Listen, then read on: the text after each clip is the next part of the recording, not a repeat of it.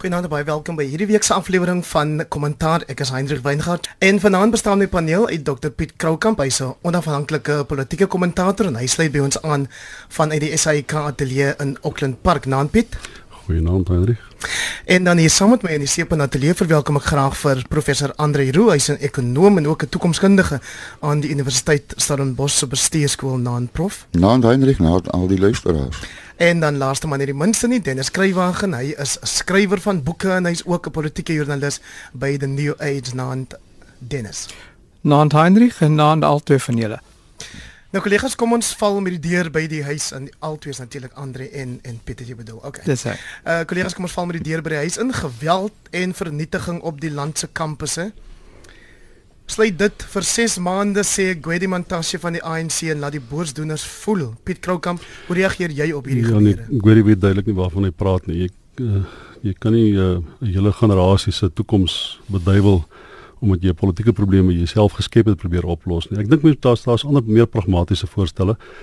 Ehm um, ek sien uh, kyk ons moet aanvaar dit gaan nie ophou nie en die ANC en die regering is nie meer in staat om dit te stop of te keer nie en regerings is nie gebou om dit te stop of te keer nie. So jy sal 'n kompromiesmodel moet aangaan.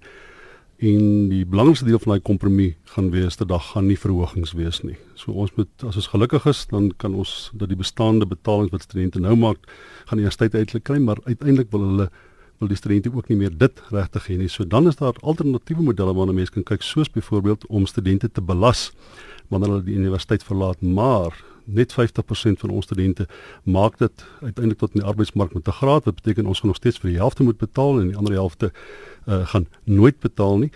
Dan sê hulle ook, okay, goed, ons moet die mense wat oor 600 000 rand per jaar kry om te betaal, so tussen 15 en 20% van die studente wat tans aan die universiteite is, uh val in daai kategorie en hulle is hoofsaaklik aan vier belangrike universiteite in terme van uh, uh finansiële kapasiteit soos uh Universiteit van Kaapstad, Wits en Tikkies in Stellenbosch. So uiteindelik is daar nie 'n werkbare finansiële model nie. Die enigste ding wat gaan werk is dat die die die, die staatslid moet ernstig oorweeg om orde te handhaaf op 'n manier wat 'n mate van dwang deel van hierdie mengsel maak van politieke vestiging en ek weet nie of hulle die kapasiteit het, die kohesie of die konsensus om dit te doen nie wat beteken hierdie probleem gaan nog voortduur. Volgende jaar Januarie gaan dit verder voortduur. Ons weet nie of studente hierdie jaar aan die einde van die jaar gaan eksamen skryf nie. En uh dis eintlik 'n donker prentjie wat ek nie noodwendig 'n maklike oplossing voorsien nie. Dennis skrywer het sien jy enige lig in die tonnel? Weet jy Heinrich, ja, dis moeilik om om 'n lig aan die einde van die tonnel te sien. Ek dink ek stem saam met Piet, uh daar moet 'n kompromie gevind word veral as jy uit regeringsgeleedere hoor, daar is nie geld om vrye onderwys uh, op op daai vlak te gee nie. Dan moet dan moet daar kompromie aangegaan word, maar dan ook aan die kant van die ouens wat in beheer is van universiteite en ook van die staat, moet jy ook 'n lyn in die sand trek wat jy vir studente sê, ag nee man, julle kan nou nie uh biblioteke vernietig en dele van die kampus vernietig nie want ander mense moet na julle hier kom studeer. So daar moet verantwoordelikheid weet as uh, wees as hierdie ouens na hulle afgestudeer is, die van hulle wat werk kry, wat leiers gaan wees. Hoe gaan jy lei as jy net wil vernietig en ek dink daar moet verantwoordelikheid 'n verantwoordelikheidsin by ons studente gekweek word. Moet asseblief nie vernietig nie. Andre, jy's 'n man wat die staatskas dophou of die staatsbesteding dophou daar van jou um, oogpunt af as 'n ekonom, wat sien jy gebeur wanneer die regering sê ons sal sorg dat ons help met seker ek dink Piet het gesê dat omtrent 80% van studente wat gehelp sal moet word as jy daai 600 000 afsnypunt vat per jaar? Ja. Kyk, uh, ongelukkig moet ek saamstem tot 'n sekere mate, dit lyk na 'n uh, onverkwikkelike situasie. Kyk, daar's 'n ou ding wat sê, uh, they know such thing as a free lunch. Maak nie saak, daar is nie 'n ding soos gratis opvoeding nie. Iemand moet die prys betaal het sê deur middel van 'n verandering in staatsbestedingsprioriteite, dan lê een of ander op meer departemente daaronder, of jy kyk na hoër belastings wat niemand wil betaal nie, of jy kyk na groter staatsskuld wat by die stadium net nie net nie uh uh, uh oorweeg kan word nie. Daar is nie 'n finansiële oplossing nie. Ah, daar is miskien 'n moontlikheid dat dat huidige staatsbesteding beter uh, bestee word.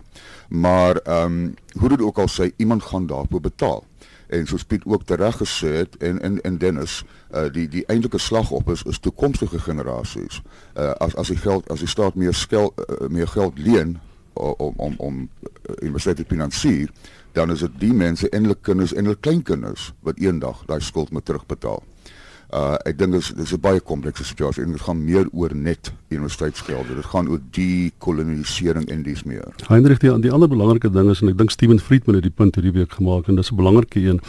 Uh dat uiteindelik gaan die armes hiervoor betaal want die geld gaan kom van begrotings wat gesny word in sosiale dienste, welvaartdienste, maatskaplike dienste. Jy kan maar kyk, hierdie jaar al voorsien ek en dit het verlede jaar al gebeur en die jaar voor dit, gaan hulle waarskynlik in die begroting van toelaas gaan hulle begin sny in in in in in reële in, in reële terme.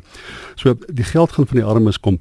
Die heel maklikste ding is natuurlik, jy moet onthou 50% van ons totale begroting gaan aan salarisse vir staatsamptenare omtrent. As ons daar 15% staatsamptenare sny en ons kan nog steeds effektiewe diens lewer, maar dit is heeltemal moontlik, dan betaal ons, dan is daar 'n vrylands vir vir vir baie mense in Suid-Afrika. Dan is dit moontlik om om 'n groot deel van die van die van die van die begroting uh vir vir onderwys en opleiding uh, te betaal. Dit is skrywe gaan as ons vat aan hierdie sogenaamde staatstoelaas, dan het ons maak ons seker die deur daar oop vir nog groter of dalk meer uh openbare proteste van mense wat van die armes wat wat in opstand kom en dit is tog die ding waarom die regering soveel geld bestee daaraan. Dit is so reg so Heinrich met al die toelaas wat ons het, hou ons die werklose uh, mense in ons land hou ons land in lewe op 'n manier nê. Nee. En mense het gewoon daaraan geraak en as jy daai toelaas nou daaraan vat dan soek jy moeilikheid. Dieselfde dink ek, ek dink wat Piet aanraak oor uh staatsamptenare om daai groot uh uh getal te sny. Dit gaan ook moleste veroorsaak. Want van jy weet vir baie ouens hardloop hulle staatsdiens toe want dit is 'n lekker werk van die beste salarisse uh, wat mense in Suid-Afrika kan kry. Maar as jy daaraan gaan vat, dan gaan jy daar ook moleste kry. So so die regering het eintlik vir hom in 'n noodloopstraat uh self ingedwing. Dennis is nie heeltemal waar nie. As jy kyk nou in die verlede toe in reële terme hulle hulle staatsdiens toelaat verminder het, nê? Of toelaat verminder van die staat. Jy moet onthou dis die armstes van die armes. Hulle het nie die vermoë om te mobiliseer nie. Hulle het nie 'n stem nie daai in die verlede toe daai uh, persentasies opgegaan het met minder as inflasie, het daar nie 'n woord gekom, nie 'n piep gekom uit daai groep mense nie. Hulle is alreeds soos die Engelse sê disempowered. Dis hoekom die staat so maklik geld daar gaan vat. Ek kan nou vir jou sê dit is waar hulle gaan sny deur eenvoudig daai toelaas baie baie min te vermeerder, want hulle weet dit is 'n onmobiliseerbare massa mense in Suid-Afrika. As jy by staatsdiens sny die moontlikheid, as jy enige ander plek sny, maar by die armstes van die armes, ons moet nie die die die die die die die, die uh, betogings wat ons kry in in in in informele nedersettings oor oor dienslewering verwar met dit wat gebeur in staatsdienstoelae nie. Ja, Piet, Piet ek hoor jou maar die posisie het verander, né? Nee, daar is die EFF wat 'n faktor is wat jy nou in verband moet bring. Daar is verkiesing van 2019. Ons bou daarvoor alle partye en en en ons maak die mense wat uh, ons ondersteun, ons vlak van ondersteuners bou ons op. So as jy as ek in die EFF se skoene was en die regering begin sny, dan gaan ek daai mense opsweep want ek gaan vir hulle wys daar is 'n ander pad. Ja, maar Dennis die die die die die EFF is 'n middelklas party. Dis die swart middelklasse party daar. Hulle het geen steun onder die armstes van die armes. Die 8.5 miljoen mense of 9.5 miljoen mense wat werkloos in Suid-Afrika stem en mas vir die ANC of hulle stem glad nie. Dat die die dit daar is meetbare tekens dat dit die swart middelklas is wat vir die EFF stem. Wat beteken is die EFF kan nie die armstes van die armes mobiliseer nie. Hulle is uh, uh, woordloos, hulle is uh, magteloos en hulle is eksploiteerbaar en ek soos wat ons druk sit in op uh, by universiteite studente om meer geld te kry, soos wat die swart middelklas studente druk op universiteite sit om meer geld te kry. Daai geld gaan weggevat word by die armstes van die armes en hulle het nie 'n vermoë om te mobiliseer nie. Andre, ons gaan seker ja, ek wil net daarin byvoeg, daar is nie 'n toelaat staatstoelaat vir die werkloses nie. Dis op kinders of of ouer mense of ja. oorlogsveterane. Maar sien jy dat ons met die mediumtermyn begroting wat op patters dalk gaan van hierdie goed wat wat julle al drie oor praat gaan sien uitspeel? Ja, dit sal moet.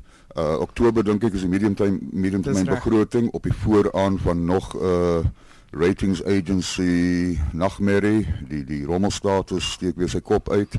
Uh die beweegruimte vir uitbreidende staatsbesteding is so te sê nul die uh, beweegruimte om belastings te verhoog. Wel, daar is dis 'n moontlikheid om ons ons soldaan met met gewoond raak, maar regwaarde die die die die staatskas is so te sê uh uh leeg in terme van enige bykomende uitgawes. En die minister van hoër onderwys Blyden Zamandi word gevra oor die moontlikheid dat sogenaamde ryk ouers dalk kan besluit om hulle kinders oor see te stuur en wat die uitwerking daarvan sal wees op kampusse wat baie keer maar gesubsidieer word deur daai inkomste Ja. van die ryk. Ja, kyk, dit is dis deel van 'n veel groter probleem. Ek bedoel ons het al voorheen gepraat oor die die land se mededinging, mededingendheid, die land se produktiwiteit, uh die die die ehm um, aantal studente of aantal mense tussen 19 en 24 wat die universiteit bywoon is om by 15% in Suid-Afrika. Jy soek 'n 30% ten minste uh om in lyn te kom met met wêreldstandaarde. So universiteite is onder druk van vele kante. Hulle moet 'n wêreldklas uh grade moet hulle toeken. Baie meer studente akkommodeer en met kwynende bronne. Piet jy en Andre ken natuurlik kampuslewe as dosente of of lektors. Wat wat doen hierdie gebeure aan aan uitslae want ons weet ook daar is 'n skandalige syfer van eerstejaars wat dit nie maak nie. Ja, kyk, uh, ek dink in- in baie krisisse het baie keer 'n positiewe nalatenskap. En ek dink een van die goed wat gebeur is toe ek nou uh nog klasse gegee het, toe wat daar was daar 900 eerstejaars studente en 700 eerstejaars studente in my klas gewees. Nou die oomblik wat uh universiteits uh, studies verniet is, dan verdwyn die insentief by universiteite om soveel as moontlik studente in te neem, maar die staat subsidieer mos nou daardie studente in elk geval.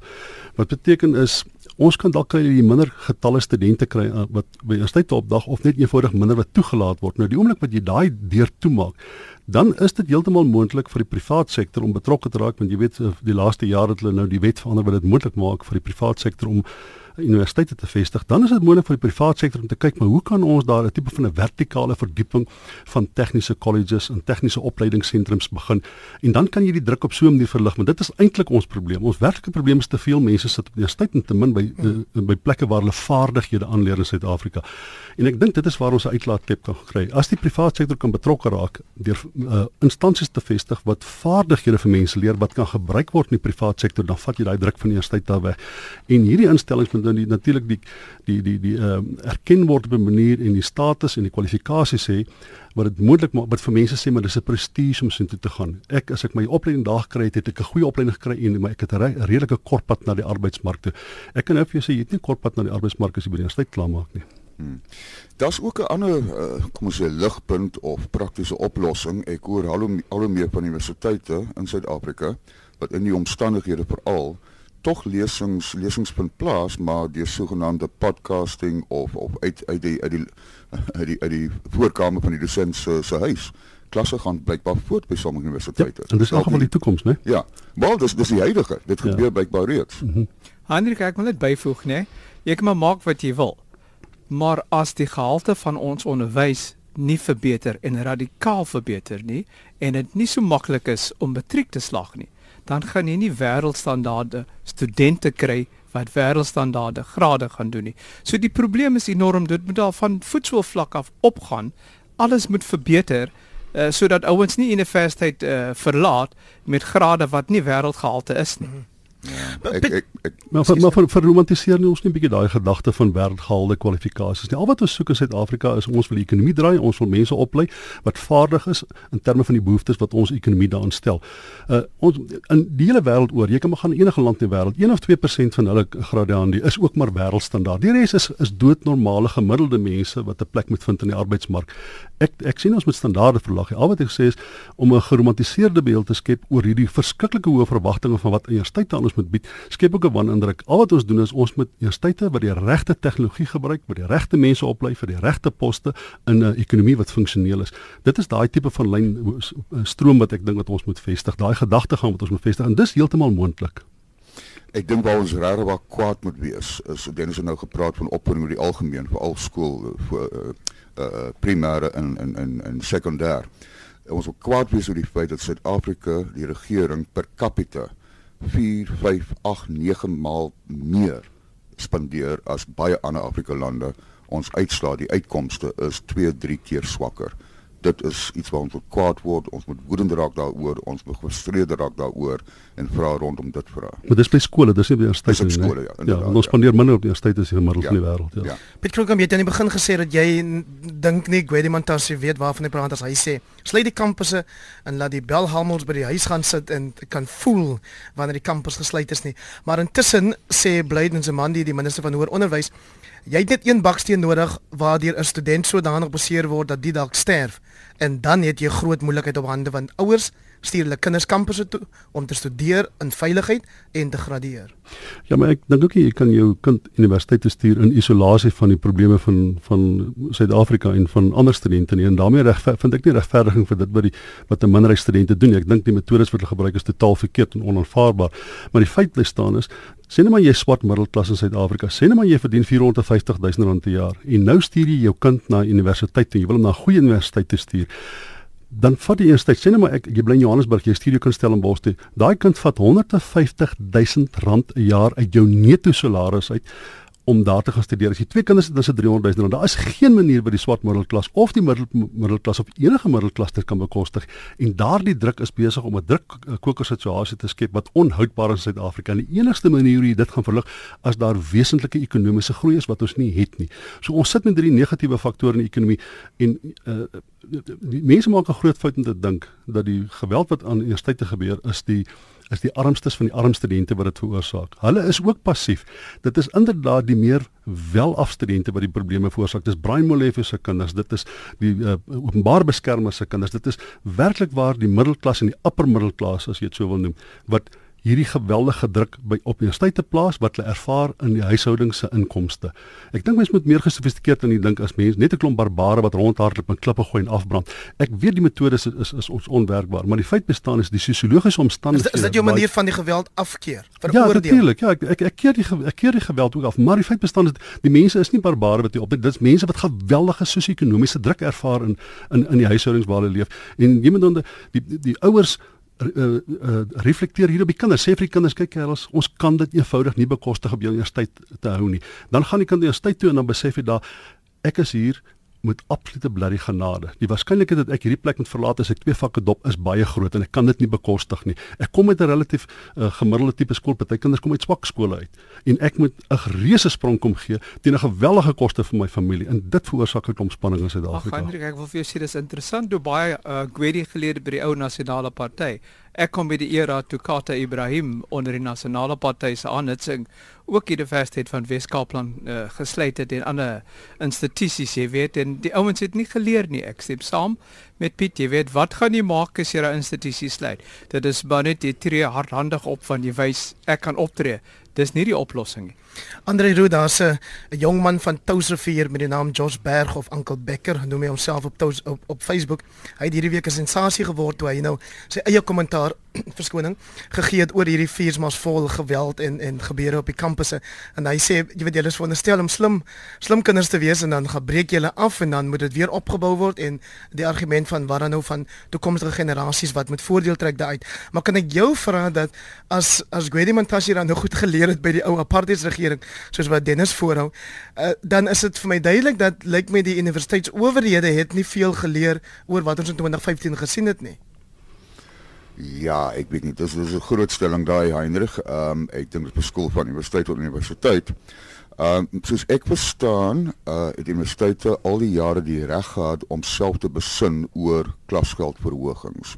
So die ingryp ingryp vir hierdie jaar deur die, die owerhede uh politieke owerhede om om om 'n 0% verhoging aan te kondig was vir my reeds dink ek uh on, ongrondwetlik.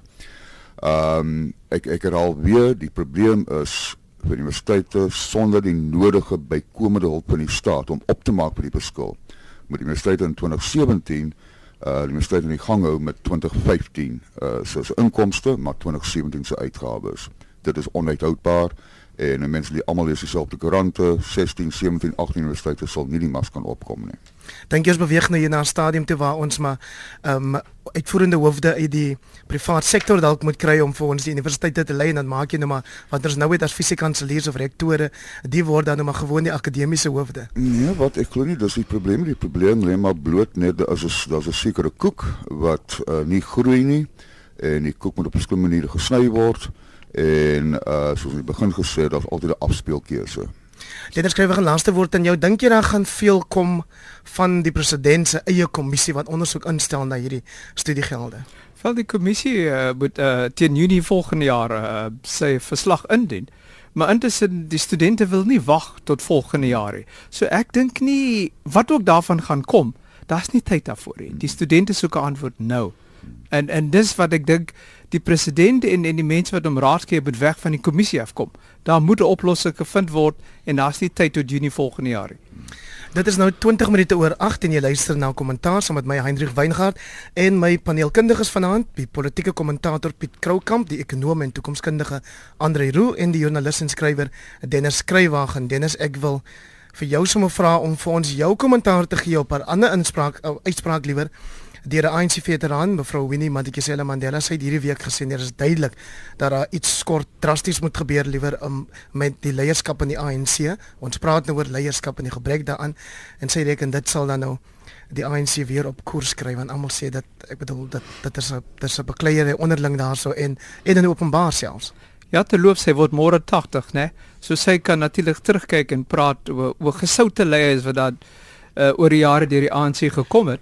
Maar die probleem is as jy nou kyk na die ANC en die manier waarop die ANC werk, uh as daar 'n leier is, 'n toekomstige leier wat daar weggesteek is, gaan daai persoon baie bang wees om hom of haar hand op te steek want daai kop gaan afgekap word.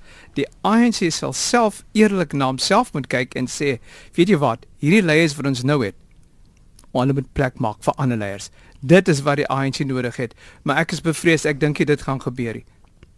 Piet Krokram uh, Ja, ek, ek dink daarom daar's daar's nog een of twee leiers wat 'n bietjie wat wat relatief skoon uit dinge te kom het ek uh, uh, Lamini Zuma sukkel nou om sê het nou die etiket dat sy die president se voormalige vrou is.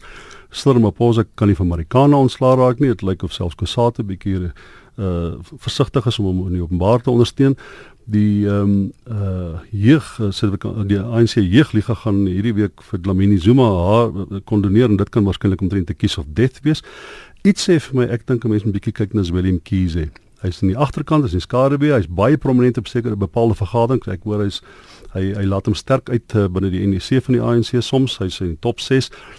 En iets sê vir my en ek het so 'n paar ANC mense gepraat my sê dit is daar's baie moontlik dat daar 'n vorm van 'n kompromie aangegaan word. Sê ons gaan nie meer op die op die lyste werk die sogenaamde sluitswerk nie. En kom ons vat iemand onskuldige kandidaat, 'n rit van onskuldige kandidaat soos Willem Kiese en dit is dan die persoon wat vir Jacob Zuma opvolg dan uh, kan ons die dus die die die die uh, Premier Liga het ons min of meer gepassifiseer ons het KwaZulu-Natal het ons het ons bestendig gemaak en dit is heeltemal moontlik dat die wat nou teen Zuma is sal in 'n kompromie ingaan met Willem Kiese. So ek sal nie verbaas wees as uh, jy sien drie perde wat hierdie reisies hardloop. Die een wat net so kort agter die voorste twee is uit die middebaan en ek vermoed daar gaan iets gebeur. Andre Rooi, ek hoor Piet praat van uh, dat eh uh, Willem Kiese gehelp het om die KwaZulu-Natal provinsie bestendig te maak. Ehm um, as ekonom lê jy baie klem daarop uh, gereeld oor die belangrikheid van sekerheid en dat die ekonomie nie met onsekerheid kan saamwerk nie. So wanneer die graderingsagentskappe in elk geval aan die einde van die jaar weer kyk na Suid-Afrika, dan in, in om die waarheid te sê die kwessie het tersprake gekom toe hulle die afgelope week met die ANC vergader het oor die onstabiliteit binne die party self. En jou vraag is? My vraag is dan nou dat, dat jy sal sekerlik dit verwelkom dat daar ehm um, wat Pietan betref in elk geval tog 'n moontlikheid is dat iemand sal kan help met bestendigheid in die party sodat jy nie hierdie onsekerheid het wat jy tans het nie. Absoluut. Op dit nou uh, binne die volgende paar maande gaan gebeur, weet ek nie. Uh ek wil 'n bietjie bietjie 'n voetnoot hierso ingooi. Ehm um, ek dink ons vind reg oor die wêreld 'n vertrouenskrisis rondom uh, politici. Um, Donald Trump, ek is nie 'n politiek politieke wetenskaplike nie, maar Donald Trump, ek dink deel van sy onverwagte sukses is toe te skryf aan die feit dat hy juis nie 'n beroepspolitikus is nie. As ons kyk na Europa, daar's toenemende wantroue in beide politici en beleidsmakers. Um, daar daar's daar's 'n groot gevoel van nasionalisering en en en protectionisme, nou nie nasionalisering van bates, maar nasionalisme en protectionisme. En mense kry die indruk daar's onsekerheid, daar's daar's daar's hierdie sien die agterheid oor die toekoms, daar sien die agter die toekoms van die ekonomie en allerlei kragte rol speel. So ek dink Suid-Afrika is alleen in hierdie hierdie hierdie anti-polities politisie tipe uh, teenkanting. Ons was net 'n algemene wantrouenskrisis wat wat wat ontaard was oor die wêreld.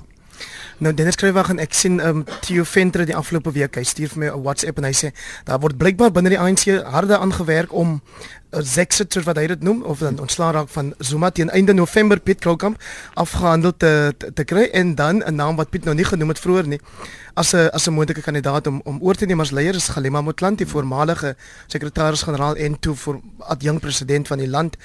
Ehm um, wat wat dink jy van hom want blykbaar is hy die ou wat na wie gekyk word om stabiliteit en vertroue te verseker. Ja, ek ek ek dink dis 'n Ek hoor dit net maar jy weet ek weet nie vir ouens wat nou daar sit gaan op sy stand vir Galema Motlanthe nie. Ek bedoel dis om hom te gebruik te word as president van Suid-Afrika. Maar dit goed gedoen die vorige keer toe hy net waargeneem het. Ag maar hy was hy was maar net 'n tussentydse leier nê en hy en en toe het hy pad gegee vir uh, Jacob Zuma en toe hy gaan staan en hy het verloor. Daar's aanhouends wat vir jou sal sê luister hier ons het deur 'n verkiesing gegaan. Ons is gekies. Wil jy nie ons moet op sy staan vir iemand wat nie verkies uh, gekies is nie? Ek dink wat ook al gebeur dis 'n belangrike mylpaal in ons geskiedenis want die ou generasie Mandela se generasie daar's nie meer van hulle oë nie. Die generasie wat na hulle in, die ANC was en wapens opgeneem het daai ouens soek besig om te kwyn. So mens kyk na die insults die mense wat in die land groot geword het en hier gestruggle het. Dis hulle beurt. En nou kan 'n mens verandering sien. Want jy weet die insults het uitelik op 'n manier in hierdie land werklik so goed geken uh uh soos die mense wat hier groot geword het nie. So daar is ook daai soos hulle in Engels sê disconnect gewees, jy weet.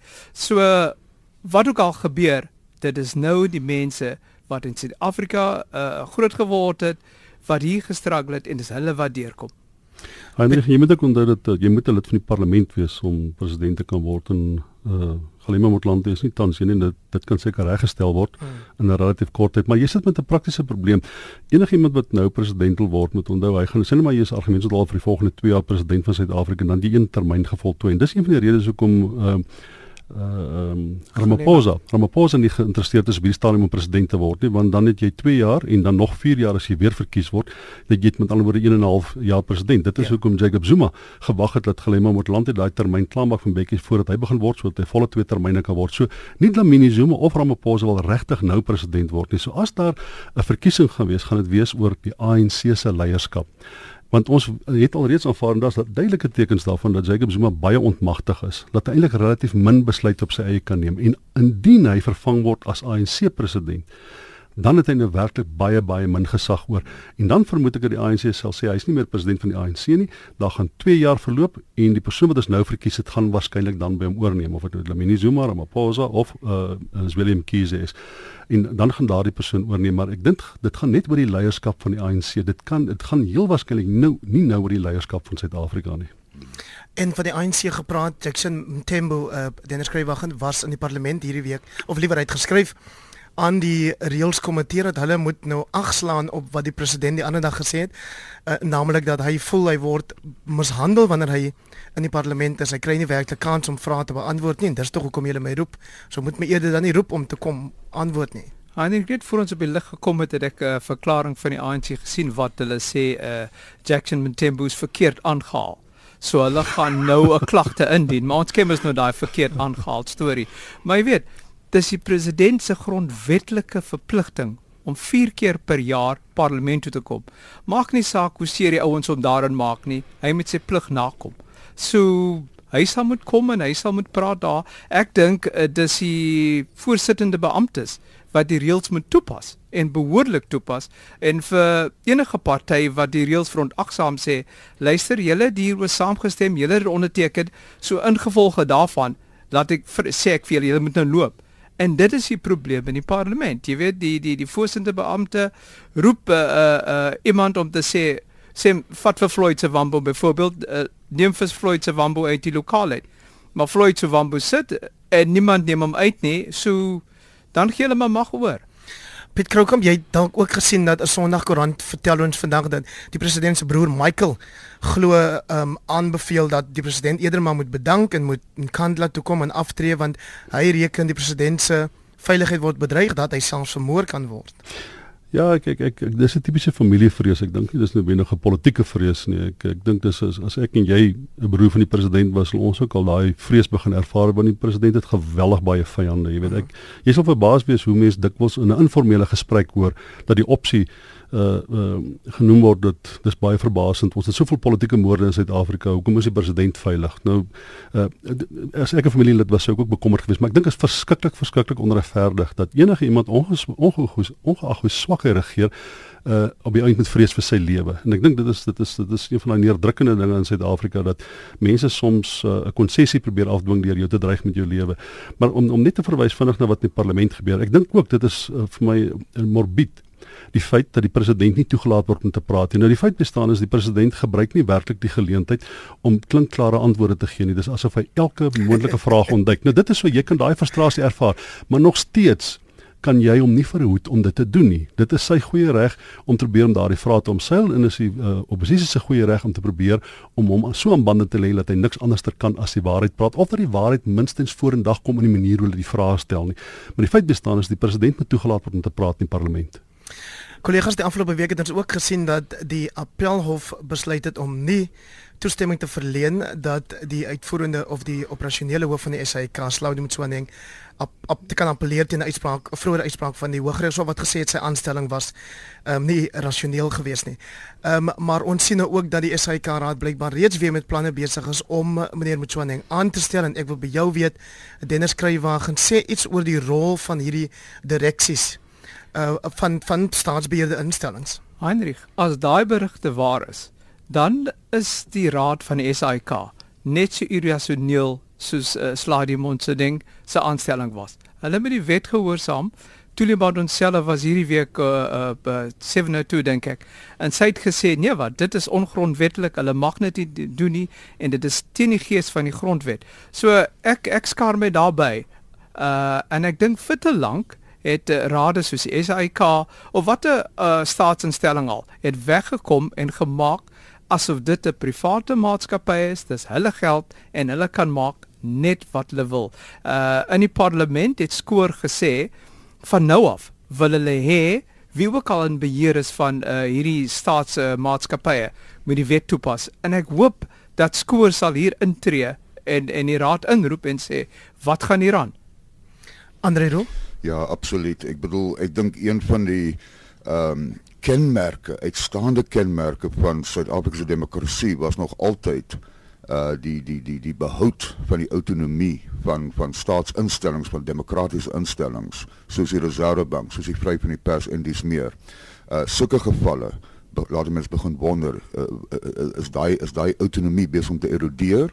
Is dit nog steeds uh uh aan die gang? uh, en dit vir my sou een van die grootste sou sou 'n kwade dag wees as as hierdie autonomie hierdie hierdie operasionele autonomie uh, uh in die beeld gery word.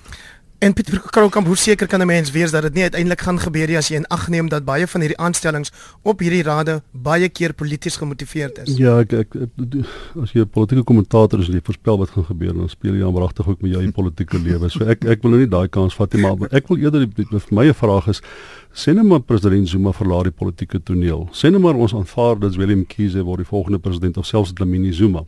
En ons aanvaar hulle kom met 'n era uit van swak politieke bestuur, opportunistiese politieke bestuur en hulle besef hulle gaan 'n verkiesing verloor as hulle daarmee aangaan dan wonder ek of ons nie dalk hierdie SOU's beter gaan bestuur nie asof die staat oor die algemeen beter gaan bestuur nie. So ek ek my gevoel is dat as die ANC nie die volgende verkiesing verloor nie, dink ek is daar 'n wesenlike kans dat hulle sal begin om hierdie instellings beter te bestuur want hulle besef nou hoe swakker jy die staat bestuur, hoe groter is die kans dat jy steen gaan verloor en 'n verkiesing gaan verloor. Die laaste verkiesing uh, het hulle nie noodwendig verloor nie, maar miljoene mense het eenvoudig nie gaan stem nie en dit word teruggelei na wat hulle noem korrupsie wat eintlik maar net 'n vorm van swak bestuur van die staat is. So ek 5 jaar gelede kon ek vir jou gesê die ANC het geen idee dat hulle eintlik die staat baie swak bestuur. Vandag weet hulle dit baie spesifiek en hulle koppel dit aan 'n demokratiese proses. Hulle sê as ons nie die land beter gaan bestuur of die staat beter gaan bestuur, gaan ons die volgende verkiesing verloor. Is dit nie die mooiste ding wat jy ooit in jou lewe gehoor het nie? Hoeveel regerings in die lewe sê as ons nie beter bestuur nie, gaan ons die volgende verkiesing verloor? Wel, ons is nou by daai punt met ander woorde ons demokrasie het nou so volwasse geword dat politici besef dat goeie administrasie wen verkiesings en ons het dit tot nou toe het ons dit nog nie besef nie. So ek hoop maar dat uiteindelik sal of die ANC of wie ook al oorneem na hulle besef dat uh, jy sit nie met 'n klomp idioote in Morone in die kieserspubliek nie. Dis mense met bepaalde belange wat hulle goed definieer en wat teen jou sal draai indien jy die staat swak bestuur. Ek stem heel hartig met jou saam, maar dan sal die ANC daarom vinnig moet begin hierdie staats uh, uh Ja, maatskappye begin ja. bestuur. Ja, en laat en laat mense nie openbaar kan sien dat jy nou nie soos die Suid-Afrikaanse lugdiens uh uh jou jou uh, state vir 'n hele paar jaar wil verdoesel nie, Ja. maar daar dadelik uh, in die openbaar gesê word, kyk hoe goed doen ons, kyk wat doen ons hier, ons het hierdie ou laat loop en daai ou laat loop. So daar moet nog baie water in daai see loop. Okay, Dennis, ek sal my optimisme nou eers los 'n bietjie. Andre Roo van die SA van die ISAL gepraat liewer die die voorsteur van die raad heraangestel. Uh, mevrou Dudu Mjeni het toen afgelope week siek geraak. Nou daaraan kan mense seker niks doen nie, maar dit was toevallig op die dag dat haar raad of dat sy moes gaan verantwoording doen by die parlement by die finanskomitee. Ja, ek wil nou nie enige mening uitspreek oor mense se siekte toestand en en soos jy tereg sê, toevallig 'n uh, baie interessante toevalligheid. Ehm um, ek dink dis dit is nou weer 'n tekening van die die verwagting uit sekere ore dat die staat 'n bodemlose put geld het en hierdie herhaalde jaarlikse finansiering van skuld wat eintlik daarmee kom herhaaldelik herhaaldelike finansiering van onvermoë raak net net onaanvaarbaar. Ons praat van biljoene rande elke jaar. Dit kan net nie waar wees nie. Uh as dit 'n privaat maatskappy het, hy lankal bankrotskap verklaar en en en, en van die boeke af verdwyn. Nou ja, ek hoop nie dat ehm um, hierdie geld vermorsing gaan deel raak uiteindelik van ons erfenis nie. Piet Kroukamp, gister het Suid-Afrika Erfenisdag gevier en ek wil sommer by jou weet of jy nou al begin het om 'n Afrika taal aan te leer of nie. ek dink jy het op Facebook gesien ek sê ek ek ek stem nie daarmee saam nie. Ek dink as ons daar 'n versoening moet wees in Suid-Afrika moet ons gemeene deler kry en ek kan geen beter gemeene deler kry as dat ons almal na die punt toe vibreer waar ons uh, Engels as 'n as 'n ruimte vind waar ons met mekaar kommunikeer. Dit sluit universiteite in. Ek aanvaar ons moet op skole, veral laerskool met ons moedertaal onderrig hê, maar dis my dit moet my tweede taal wees en ek dink daar's geen geen behoefte onder swart sprekers of swart taalse sprekers om uh, om werklik 'n wetenskaptaal te maak van Khoza of Zulu of uh Sotho nie. Uh ek dink ons gemeene deler is Engels en uh 90% van Suid-Afrikaners of nee maar maar 80% van Suid-Afrikaners dink ek aanvaar al reeds daai beginsel. Soos wat jy by die universiteite 'n klompie mense kry wat vernietig in 'n poging om 'n uh, opinie te vorm, so kry jy hardgebakte taalbulle wat uh, ons probeer forceer om 'n derde en 'n vierde taal leer en nou probeer vir ons oortuig dat dit gaan nou maak dat ons mekaar beter verstaan en dat ons mekaar liefhet en omarm en daar groter empatie is absoluut sterk man. Nou wat dink jy behoort ons te doen om mekaar te omarm en lief te hê en Wie so? weet, daar's daar's net een wonderlike ding wat 100% werk vir versoening. Dit werk soos 'n bom. Goeie, effektiewe landsbestuur. As elke burger in hierdie land voel dat sy mening word geag, dat hy bepaalde sê het, dat daar effektiewe aanwending van fondse is, dat die algemene belang gedien word, dan kan ek net vir jou sê gaan ons heerlik in Suid-Afrika leef en taal en godsdiens en kultuur en daai goed is totaal onbelangrik in daai strewe. Andre, so jy uh, gee gereeld klas vir uiteenlopende groepe studente van verskillende lande. Jy was onlangs weer in België. Hoe hoe, hoe reken jy uh, is daar 'n plek vir die simboliese? Ja, daar is 'n plek vir simboliese. Net net. As 'n mens kyk na die hele situasie in Europa, die hele euro, uh um daar is simbole daarin betrokke op die verliesingssimbole. Uh die verlies aan uh, uh nasionale soewereiniteit is een van die groot uh, stories. Maar ek wil terugkeer na Suid-Afrika en en ook tot 'n in 'n sekere sin aansluit by Piet deur te sê dat as ek nou praat as ekonoom ons ekonomie onderpresteer um vir 'n land wat onder die 30 grootste ekonomie in die wêreld tel, onderpresteer ons op op vele gebiede, ekonomiese groei en dis meer. Maar ek sal eerder dit sê, eerder daar bekommer wees as om te sê ons oorpresteer. Ekonomie wat oorpresteer, dis nie volhoubaar nie. Uh jy kan nie vir ewig oorpresteer nie. So die feit dat ons onderpresteer is 'n tipe bedekte kompliment deur te sê eintlik ons baie beter doen. Maar hier en dis nou weer terug na die erfenisdag. Ek dink hier is gemeenskaplike dele. Ons moet almal hier rondloop met nie met 'n in in in 'n depressie nie. Ons moenie verval in 'n ashoop van van van mismoedigheid, maar eerder kwaad wees oor die feit dat ons onderpresteer. Hoekom onderpresteer ons? Ons moet daai tipe vrae vra. Ons moenie dinge aanvaar soos hulle is nie. En en so ek sê in 'n sekere sin is dit 'n op 'n op 'n snaakse manier 'n optimistiese uitgangspunt. Dennis skrywer gaan dalk nou nie as hoop van depressie nie, maar dit help sekerlik as jy daar rondom die vleisbraai vuur staan en daai kolle skiet en die vleis raak gaar om jou gevoel te gee van dinge dat dinge nie ehm um, so sleg is as wat ons baie keer onsself um, oortuig nie. Maar natuurlik, ons almal het 'n uitlaatklep nodig en en so ook 'n uh, 'n geleentheid nodig om te sê dinge gaan goed en dinge werk lekker en weet jy wat as ek terugkyk na voor 1994 was dinge dan baie erg, jy weet. Nou ja, so het ons by groetheid uitgekom van vanaand se kommentaar. Baie baie dankie aan Piet Kroukamp, uh, die politieke ontleder daar in nou in die Auckland Park Ateljee. Baie dankie ook aan Dennis Skrywaag aan die ook kant my skrywer en 'n politieke joernalis en dan professor Andre Roux, ekonom. Ek waardeer dit dat julle julle tyd afgestaan het om vanaand te kom saamgesels. Ek waardeer dit net soveel dat julle die luisteraars getrou inskakel om na hierdie program te luister. Ek is Hendrik Weingart en ek groet tot volgende keer.